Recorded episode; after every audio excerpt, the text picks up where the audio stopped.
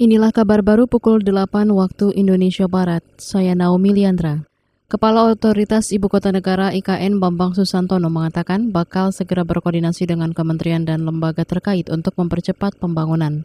Bambang mengatakan banyak hal yang harus mulai dikerjakan termasuk sosialisasi IKN Nusantara kepada masyarakat. Jadi kami segera akan uh, menghubungi pihak-pihak KL terkait yang selama ini sudah mempersiapkan konsep-konsepnya. Salah satunya mungkin dengan Bapenas yang sudah dari 2017 sudah uh, melakukan berbagai studi dan juga dengan KL lain yang akan uh, meneruskan berbagai pembangunan misalnya PUPR dan yang lain. Melalui kesempatan ini kami mengharapkan dukungan dari semua pihak, dukungan dari semua masyarakat karena kota ini adalah kota yang merefleksikan kenusantaraan, inklusif, hijau, cerdas, dan berkelanjutan. Kepala Otorita IKN Bambang optimistis ke depan Ibu Kota Nusantara akan menjadi wilayah yang mewakili keadaan Indonesia secara menyeluruh.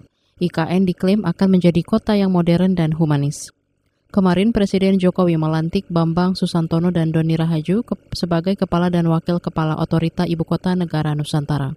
Masih seputar Ibu Kota Negara, Pengamat tata kota Yayat Suryatna menilai pembangunan ibu kota negara berpotensi gagal dan tidak sempurna. Alasannya pemerintah mengerjakannya dengan tergesa-gesa. Kata dia pemerintah harus menyerap berbagai aspirasi dan pandangan dari para ahli terutama yang berdampak pada daya dukung lingkungan.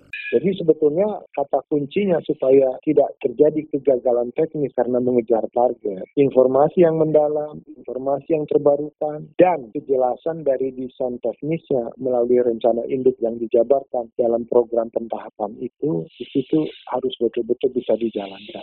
Jadi saran kita adalah kemegahan dalam arsitektural jangan berimplikasi kepada kegagalan fungsional. Pengamat tata kota Yayat Suryatna mendorong pemerintah memahami dan mendalami ekosistem lingkungan sekitar sebelum membangun IKN Nusantara.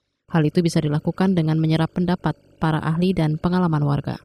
Dia meminta pemerintah tak hanya berfokus pada desain arsitektur bangunan ibu kota negara, tetapi juga memperhatikan bagaimana bangunan sesuai dengan kondisi lingkungan yang ada. Kita ke Liga Eropa. Tuan rumah Barcelona gagal menaklukkan Galatasaray dini hari tadi. Kedua tim bermain imbang 0-0 dalam laga pertama 16 besar Liga Eropa di Camp Nou Spanyol. Barcelona bermain dominan dalam pertandingan ini. Mereka mencatatkan 15 percobaan dengan 4 yang mengarah ke gawang. Sementara itu klub asal Turki Galatasaray hanya mampu menciptakan tiga peluang dan hanya sekali yang menuju target. Barcelona akan bertandang ke kandang Galatasaray di leg kedua pada Jumat dini hari pekan depan. Demikian kabar baru KBR, saya Naomi Liandra.